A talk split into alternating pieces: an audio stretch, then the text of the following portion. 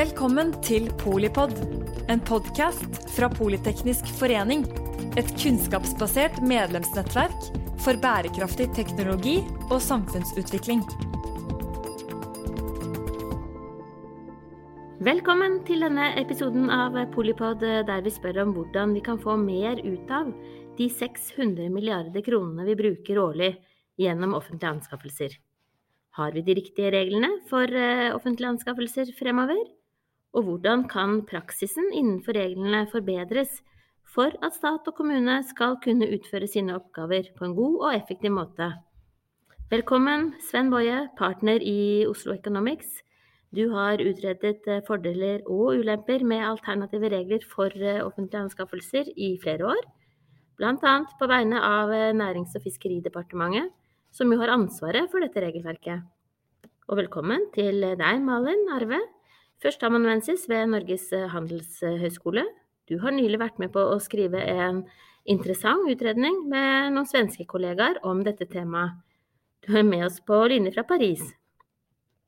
Velkommen eh, også til deg, Jon Bingen Sande, førsteamanuensis ved BI i Oslo, tilknyttet Setre-senteret for eh, fremtidig helse, som forsker på hvordan fremtidens helsetjeneste kan utvikles gjennom bl.a. anskaffelser. Senteret har hele 19 partnere fra forskning, offentlig helsesektor og næringsliv. Men Sven, gi oss først litt bakgrunnsinfo om offentlige anskaffelser. Offentlige anskaffelser er viktig. Du sa det selv, det offentlige kjøp utgjorde nesten 600 milliarder kroner i 2019, og tilsvarte 17% av Norges samlede verdiskaping. Nesten én av fem kroner i dette landet går til kjøp av varer og tjenester til offentlig sektor. I tillegg til å være økonomisk viktig, er offentlige anskaffelser helt nødvendig for at stat og kommune skal utføre sine oppgaver på en god og effektiv måte. Intet politi uten politibiler, og intet helsevesen uten medisin. Offentlige anskaffelser gir også store miljøvirkninger, med et klimafotavtrykk på i overkant av 10 millioner tonn CO2-ekvivalenter. Hovedmålet for offentlige anskaffelser i Norge, i henhold til lov om offentlige anskaffelser, er at det skal bidra til effektiv offentlig tjenesteytelse og myndighetsutøvelse. Kort sagt gjennom å gi best mulig behovsdekning for en lavest mulig kostnad. I tillegg til dette målet er det et mål om at anskaffelsene skal gjennomføres på en samfunnstjenlig måte, herunder at det tas hensyn til miljø og klima, arbeidsliv, menneskerettigheter, innovasjon og små og mellomstore bedrifter. Vi har lenge hatt regler som skal sørge for at målene for offentlige anskaffelser nås. I 1899 kom et regelverk om leveranser og arbeider som bortsettes for statens regning. Eh, og Der sto det at eh, slike oppdrag som hovedregel bør settes ut på anbud. Som det til dels er i dag også. Den gangen, i 1899, så var det ikke fokus på å legge til rette for et felles europeisk marked, snarere tvert imot. Det var kun unntaksvis lov å tillate tilbud fra utenlandske aktører. 100 år senere, i 1999, kom dagens regler for offentlige anskaffelser. Denne bakte EU-rettens regler om offentlige anskaffelser inn i norsk rett, og dermed prinsippene om konkurranse, likebehandling, forutberegnelighet, etterprøvbarhet og forholdsmessighet. Hovedformålet med EU-reguleringen var å åpne det store markedet for offentlige anskaffelser i Europa for landsoverskridende konkurranse mellom bedrifter i EU-land. En viktig endring som fulgte av reglene i 1999, var klageadgangen. Altså at leverandører kunne kreve erstatning for oppdrag de ikke fikk, hvis de mistet oppdraget pga. regelverksbrudd. Og dette er en viktig ting som skiller offentlige anskaffelser fra sånn private bedrifter gjør anskaffelser, og fra hvordan offentlige anskaffelser ble gjort før 1999, som lignet litt mer på det som private bedrifter gjør anskaffelser i dag. Spørsmålet i denne podkasten er har vi i Europa, og til dels i Norge, laget de riktige reglene for offentlige anskaffelser? Og er praksisen innenfor reglene slik den burde være? Hva bør vi gjøre med regler og praksis for offentlige anskaffelser for at vi i større grad skal nå målene om en effektiv offentlig sektor, reduserte klimagassutslipp, bedre arbeidsliv og økt innovasjon? Og eh, som eh, Mette sa, har jeg fått med meg to akademikere her i dag, Malin Arve og Jon Bingen Sanne. Første store spørsmål går til Malin Arve ved NHH, eh, som bl.a. har bidratt til nevnte rapport om offentlige anskaffelser for det svenske konjunkturrådet. Hva fant du og dine kolleger ut at var hovedproblemet med offentlige anskaffelser i EU og i Norge? Takk, Sven. Um, egentlig så har jeg istedenfor å svare på spørsmål om hva som er hovedproblemet, så har jeg lyst til å ta et skritt tilbake. For det var det vi gjorde i rapporten. Uh, og hvor vi tenkte på anskaffelser som en helhet. Og stilte oss spørsmålet der om hva, hva er regelverket for offentlige anskaffelser. For hvis vi kan sette det bitte litt på spissen, så handler egentlig reglene om hvordan man skal gjennomføre prosedyrer i selve anbudsfasen. Da. Eh, men det sier f.eks. ingenting om hva som skal kjøpes inn, eller hva som ikke skal kjøpes inn, eller hva som skjer etter at man har funnet valgt leverandør. Eh, men alt det er jo en del av offentlige anskaffelser. Altså, grovt sett så kan vi jo dele inn anskaffelser i tre overordnede faser. Da. Den første fasen hvor du begynner å ane at du har et behov, du undersøker hva slags behov du har i organisasjonen, du undersøker markedet, eh, og om det finnes en, en, en, slags match der. Da. Men alt forarbeidet som du gjør før du eventuelt velger å gå til anskaffelse av noe. Og så kommer selve liksom, anskaffelsesfasen, hvor du går ut i markedet og hvor det er masse regler som forklarer hvor lang tid du skal bruke på forskjellige ting og hva som skal gjøres når og sånn. Og så velger du leverandør, men, det er jo på en måte ikke over da. Du skal jo fortsatt implementere avtalen, du skal fortsatt få tjenestene. Ofte er jo det her ting som tar mye lengre tid. Det er jo ikke liksom sånn at du bare leverer si, en boks med hva det nå er. Altså, det er en kontraktsfase, en oppfølgingsfase. Eh, så det er jo på en måte de tre fasene av forarbeidet, selve gjennomføringen og så implementering og, og oppfølging. Og regelverket er grovt sett bare i den ene fasen. Og det i seg selv gjør jo at vi, vi ofte fokuserer mye på reglene og hva som ikke funker der. Men det er bare en liten del av det. Eh, så det vi, det vi, gjorde, eller En av tingene vi gjorde i forbindelse med rapporten, var at vi sendte ut en spørreundersøkelse til innkjøpere. Eh, det her var i Sverige, ikke i Norge. Men hvor vi spurte de om hva, hvilke deler av anskaffelsesprosessen, så hele denne lange prosessen jeg har beskrevet, som var viktige. Men også hvilke de brukte mest tid på. Og svarene vi fikk der, altså, Det var en liten spørreundersøkelse, så vi kan sikkert forske mer på det her, men det de svarte, var at den forberedende fasen, den var absolutt viktigst. Men hvor brukte de tid? Gjennomføringsfasen. De brukte ikke mest tid på den fasen som de mente var viktigst. Og det tenker jeg kanskje er en av hovedutfordringene. At vi fokuserer veldig mye problemene, med problemene med, med regelverket. Og, og det er ikke det at det ikke er problemer. Men offentlige anskaffelser er så utrolig mye mer enn de reglene. Eh, og, og, det er noe vi må jobbe med. Eh, og nå kom, I Norge så kom modenhetsundersøkelsen ut for ikke så veldig lenge siden. Og hvis jeg husker riktig derfra, så snakket de mye om det her med mangel på tid og ressurser og kompetanse. Og det var ting som vi også fant når vi så på, så på data fra Sverige. Så jeg tenker at ja, vi kan skylde på regelverket, og det er mange utfordringer der. Men jeg tenker det å bruke og skaffe den kompetansen som trengs for å gjøre gode innkjøp, det tenker jeg er hovedutfordringen. Ikke et problem, jeg tror det er en utfordring. Eh, men Sven, hvis jeg skal snakke om problemene med regelverket, må jeg det? Eh, Nei, jeg... du, det er litt fritt, det er litt sånn fritt, fritt, tema. Men jeg har et oppfølgingsspørsmål på dette med ikke-verifiserbare informasjon og erfaringer, da, og likevel ja, anledning til det. Men, eh, så det er kanskje noe som kan knyttes til reglene, men du kan ja. Det er litt, litt opp til deg hva du syns er viktig å få frem for lytterne. Ja, altså Det er veldig mye vi kan, vi kan snakke om, og, og, Jon, du får bare hoppe inn også. Men hvis vi må peke på, på noe, på en måte, så, så, i rapporten så pekte vi på det her med å bruke det vi kaller past performance, altså er, tidligere erfaring med leverandører. Eh, for det er noe som det er litt vanskelig å gjøre i, i offentlige anskaffelser. Eh, I hvert fall hvis du skal bruke det for å evaluere de nye leverandørene. Da. Det, det er ikke helt klart hvor hvor langt inn i, si, altså, eller hvor langt ut i gråsonen du er. Da. Eh, men det sier seg jo selv for de fleste også at har du vært på en, en restaurant som var skikkelig elendig, så går jo aldri du som privatperson tilbake dit. Så hvorfor i det offentlige kjøper vi inn år etter år fra samme leverandør som faktisk ikke leverer den kvaliteten vi ønsker? Så det å kunne bruke tidligere erfaringer i valg av leverandør, det er vel noe av det vi på en måte poengterer er kanskje litt problematisk eh, med dagens regelverk. Eh, men vi kan snakke om kontrakterbarhet også, Sven, hvis du vil det? Ja, for er, eh, jeg tar bare og spinner litt videre på det. For det er jo et sånn grunnleggende problem i økonomien, eh, og ikke bare offentlig anskaffelse, hvordan håndtere usikkerhet og at noen har mer informasjon enn andre. Og så kan det være vanskelig nok å vite hva som er en god restaurant, hvis du tar det eksempelet, hvem som er en god entreprenør.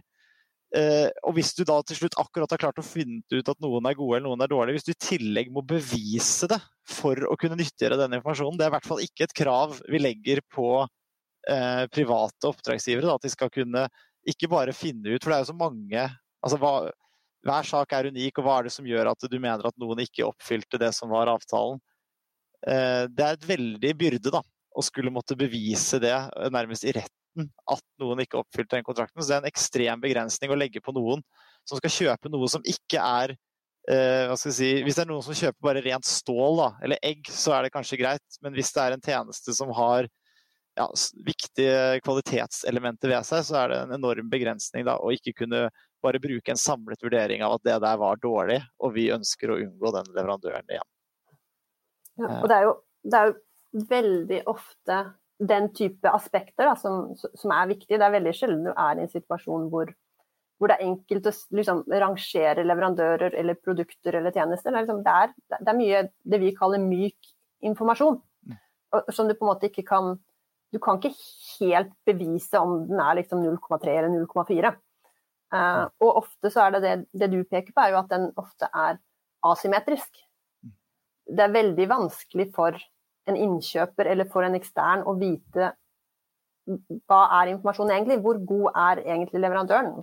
Leverandøren har vel forhåpentligvis en, litt peiling på det. Men den asymmetrien den gjør det jo veldig, veldig vanskelig å velge riktig spesielt som du peker på, så må man kunne dokumentere sine valg eh, i det offentlige, eh, og, det, og, det, er relativt strikt. Så det, det, det, gjør det vanskelig, for med en gang du får, du får den her asymmetrien, så er det noen som har en fordel. De har informasjon, de sitter på informasjon som andre ikke har, og som andre ikke kan benytte. Det hadde jo vært så utrolig bra om vi kunne, kunne brukt den. Eh, men det er jo en del ting du kan gjøre altså, ikke, altså i selve prosessen, men, men også i i ettertid i kontraktsoppfølgingen. Du kan jo ha i, i si, utvalgsprosessen så kan du jo bruke ekspertpanel. Du kan gjøre diverse liksom, tester, da, på en måte. Teste ut kvaliteten. Altså, sjekke ut si, tjenesten, da, eller uh, hvor god maten er, hvis det er, hvis det er det der. Og så kan du jo i selve oppfølgingen, så selv om du ikke kan måle hvor, hvor god restauranten er, så kan du jo bruke erfaringer, kundeundersøkelser, bruker eh, eh, hva heter det, customer satisfaction. Eh, du kan jo prøve å måle den da, og se hvor, hvor, eh, hvor, god den faktiske leveransen er for, eh, for, brukerne. Så det finnes jo måter å prøve å redusere den usikkerheten og, og, og faktisk snakke om det der som er litt, litt, vanskelig å snakke om. Og jeg tror det er bedre å prøve å måle det enn å bare ignorere det, for da, da får du ingenting. Selv om, selv om, brukerne sikkert de har sine preferanser og, og, og de har sine si, hangups, så er det bedre å prøve å skaffe frem den informasjonen og, og snakke om den, enn å, enn å, bare ignorere det. For da, da, tror jeg i hvert fall ikke du får god mat. Og så skriver de også en ting eh, som jeg syns var ganske interessant i den rapporten, som er at hvis, hvis, informasjonsproblemene er ille nok, så kan du faktisk ikke sette det ut på kontrakt. Altså, og det er jo et argument i Uh, altså I offentlig tjenesteytelse, f.eks. veldig sårbare grupper, det er jo diskusjon innenfor barnevern. og sånn, I hvilken grad kan du sette ut en kontrakt da, på å uh, passe på sårbare barn og unge? Hvis du ikke har evnen til å bruke erfaringene du har med de leverandørene. Da, da kan faktisk konsekvensen være at uh, det som i utgangspunktet ville vært effektivt å sette ut i private, ikke lenger, ikke lenger er det. da, Fordi informasjonsproblemene er for store. Det, det stemmer. For du må jo, du må jo velge din leverandør basert på, på, fakta, på en måte. da. Mm. Og hvis, hvis, du ikke klarer å etablere det faktagrunnlaget, hva, hva, velger du på grunnlag av da? Da blir det jo litt Det kan jo bli helt vilkårlig. Du kan jo i verste fall Altså i beste fall så ender du opp med riktig leverandør, men i verste fall så, så er det bare hvem som helst. Du, du, du, du kaster en terning omtrent. Og da, da, er det jo ikke effektivt, og det er jo, da er det jo kanskje bedre at du at du produserer tjenesten selv. Fordi du kan i hvert fall sikre en viss kvalitet. Du har mye mer kontroll Eh, selv om kanskje det, kanskje det private er, er, mer effektive. Men det klarer ikke du å se eh, innenfra. og derfor, så, derfor så kan det være for risikofylt. Du kan rett og slett ta feil valg fordi du ikke klarer å fange opp informasjonen eh, på det tidspunktet. Da. Vi kan da, tusen takk, vi kan gå videre da, til noe som også har med eh, ja, hvor disse perspektivene her med informasjon og også hvem, hva er det som bør gjøres i privat og offentlig sektor kommer inn. og Det er da eh, offentlige anskaffelser av innovasjon, som du har jobbet mye med, Jon Bingen Sande. Si, kan du si litt om utfordringer knyttet til offentlig anskaffelse av innovasjon, og, og, og, fordeler med det som et virkemiddel? Ja, jeg, jeg tenkte jeg ville dele det opp uh, litt i to. Uh, og, og det andre punktet mitt handler egentlig også litt om det dere allerede har snakka om. Men når jeg, når jeg, tenker på disse utfordringene, så, så, er det det med å anskaffe for innovasjon. Det er jo også utfordrende også for private virksomheter. Så det er jo aldri enkelt å, å få til eh, innovasjon. fordi det, det handler jo om i bunn og grunn at man har et eller annet problem som skal løses. og man man har ikke noen god løsning på det nå, iallfall ikke en løsning som man er, er fornøyd med.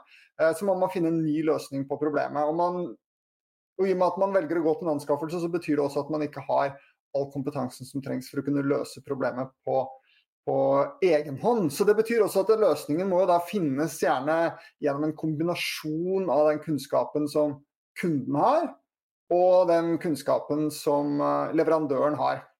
Så det er en felles problemløsningsprosess man skal eh, inn i.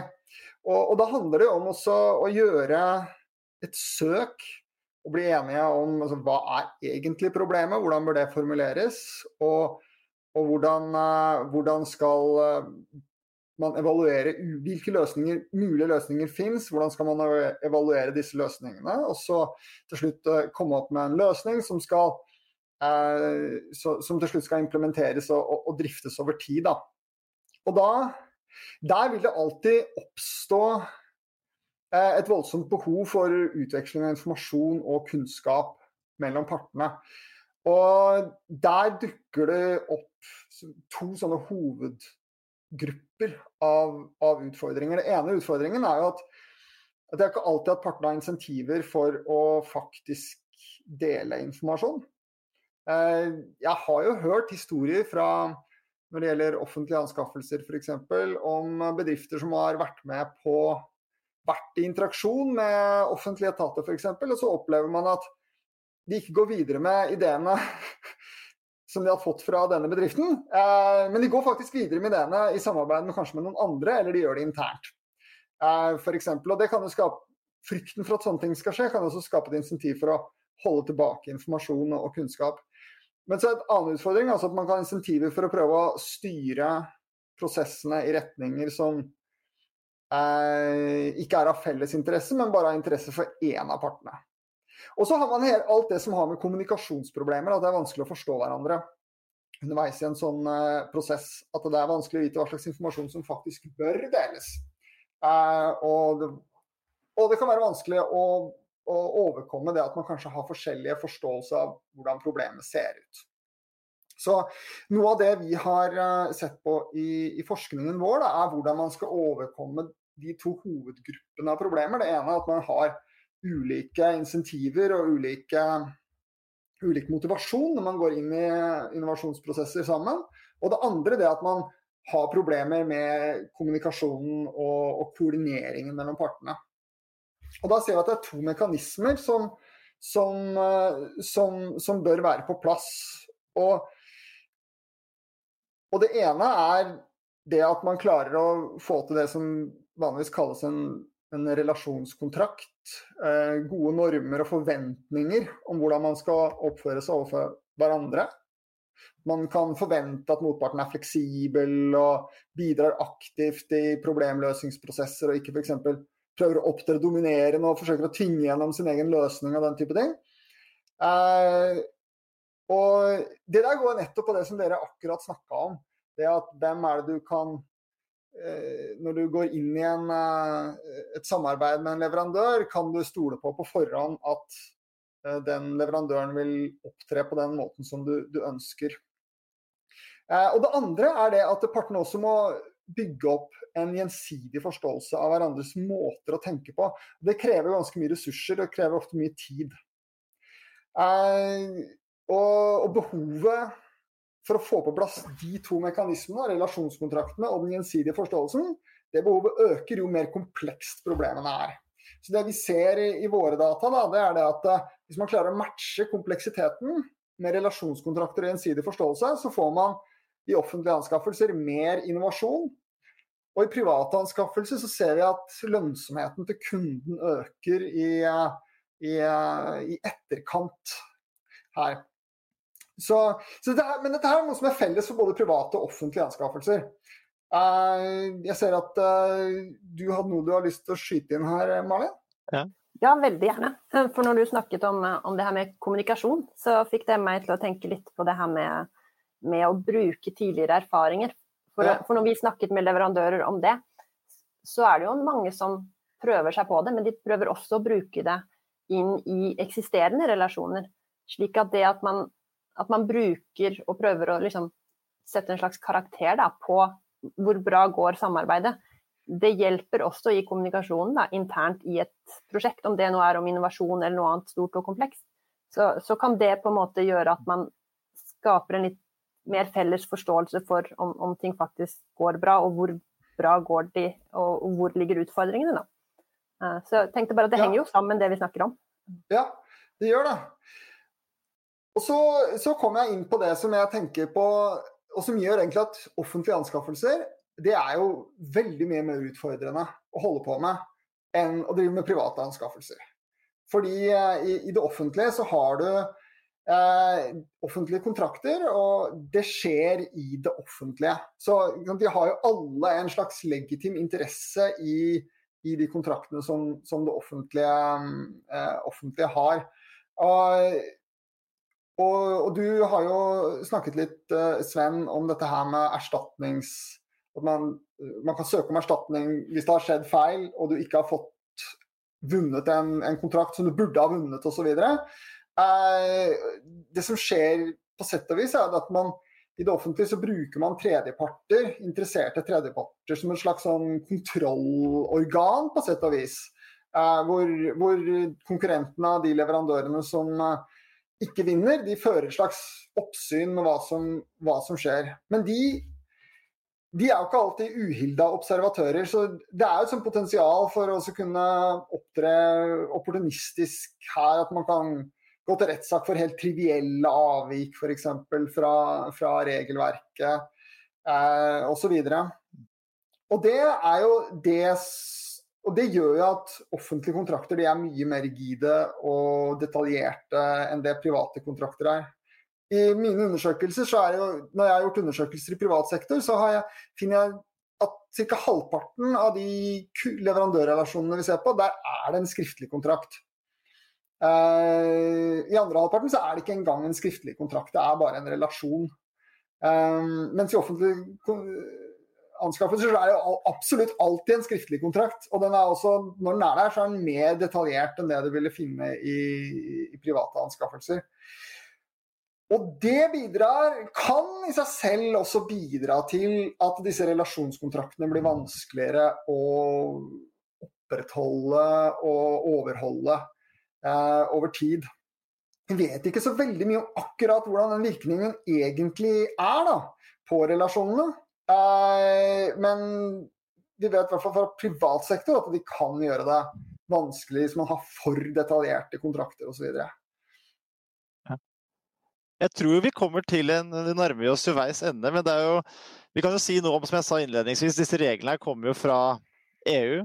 Med det mål om å sørge for konkurranse på tvers av landegrenser og også unngå korrupsjon. Og hvis du ønsker å fremme det, så skal du ha liksom, klare prosessuelle regler. Det finnes jo også maksgrenser. Rammeavtale skal maks vare i fire år, med mindre det er noen veldig spesielle grunner. Masse, og alt dette er rettet inn mot egentlig har konkurranse om den enkelte kontrakt på tvers av landegrenser og unngå korrupsjon.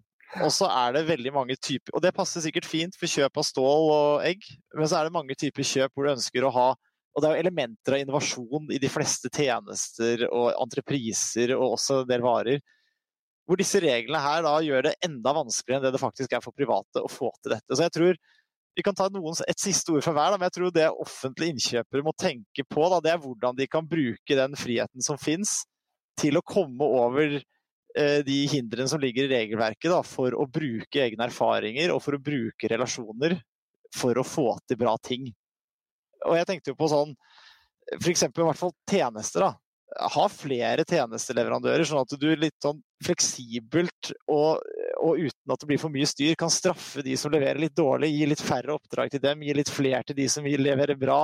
Ha nok inne til at du har en relasjon med flere du kan spille på. Altså Man må bruke de mulighetene. Man må tenke på at her er det ikke-verifiserbar informasjon som må brukes for å, ja, å, å, få gode leveranser hele veien, og du må ha, bygge relasjoner. Så det er noe man kan tenke på. Men siste ord fra dere, veldig raskt et råd til offentlige innkjøpere.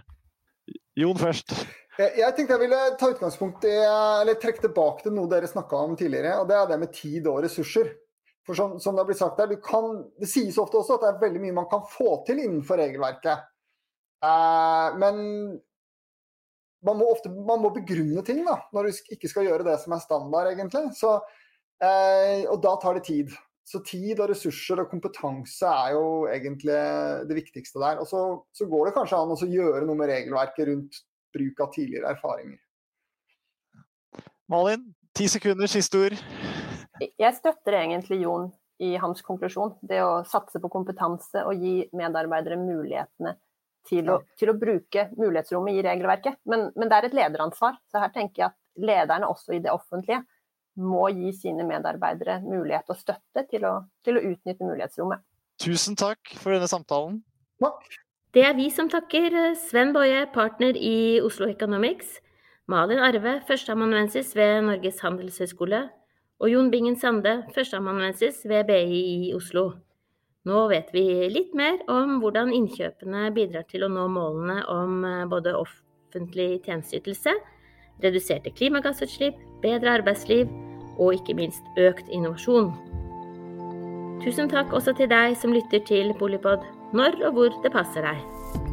Takk for at du lyttet til Polipod fra Politeknisk forening. Få med deg flere episoder, eller bli med på nettverksmøtene som du finner på at polyteknisk.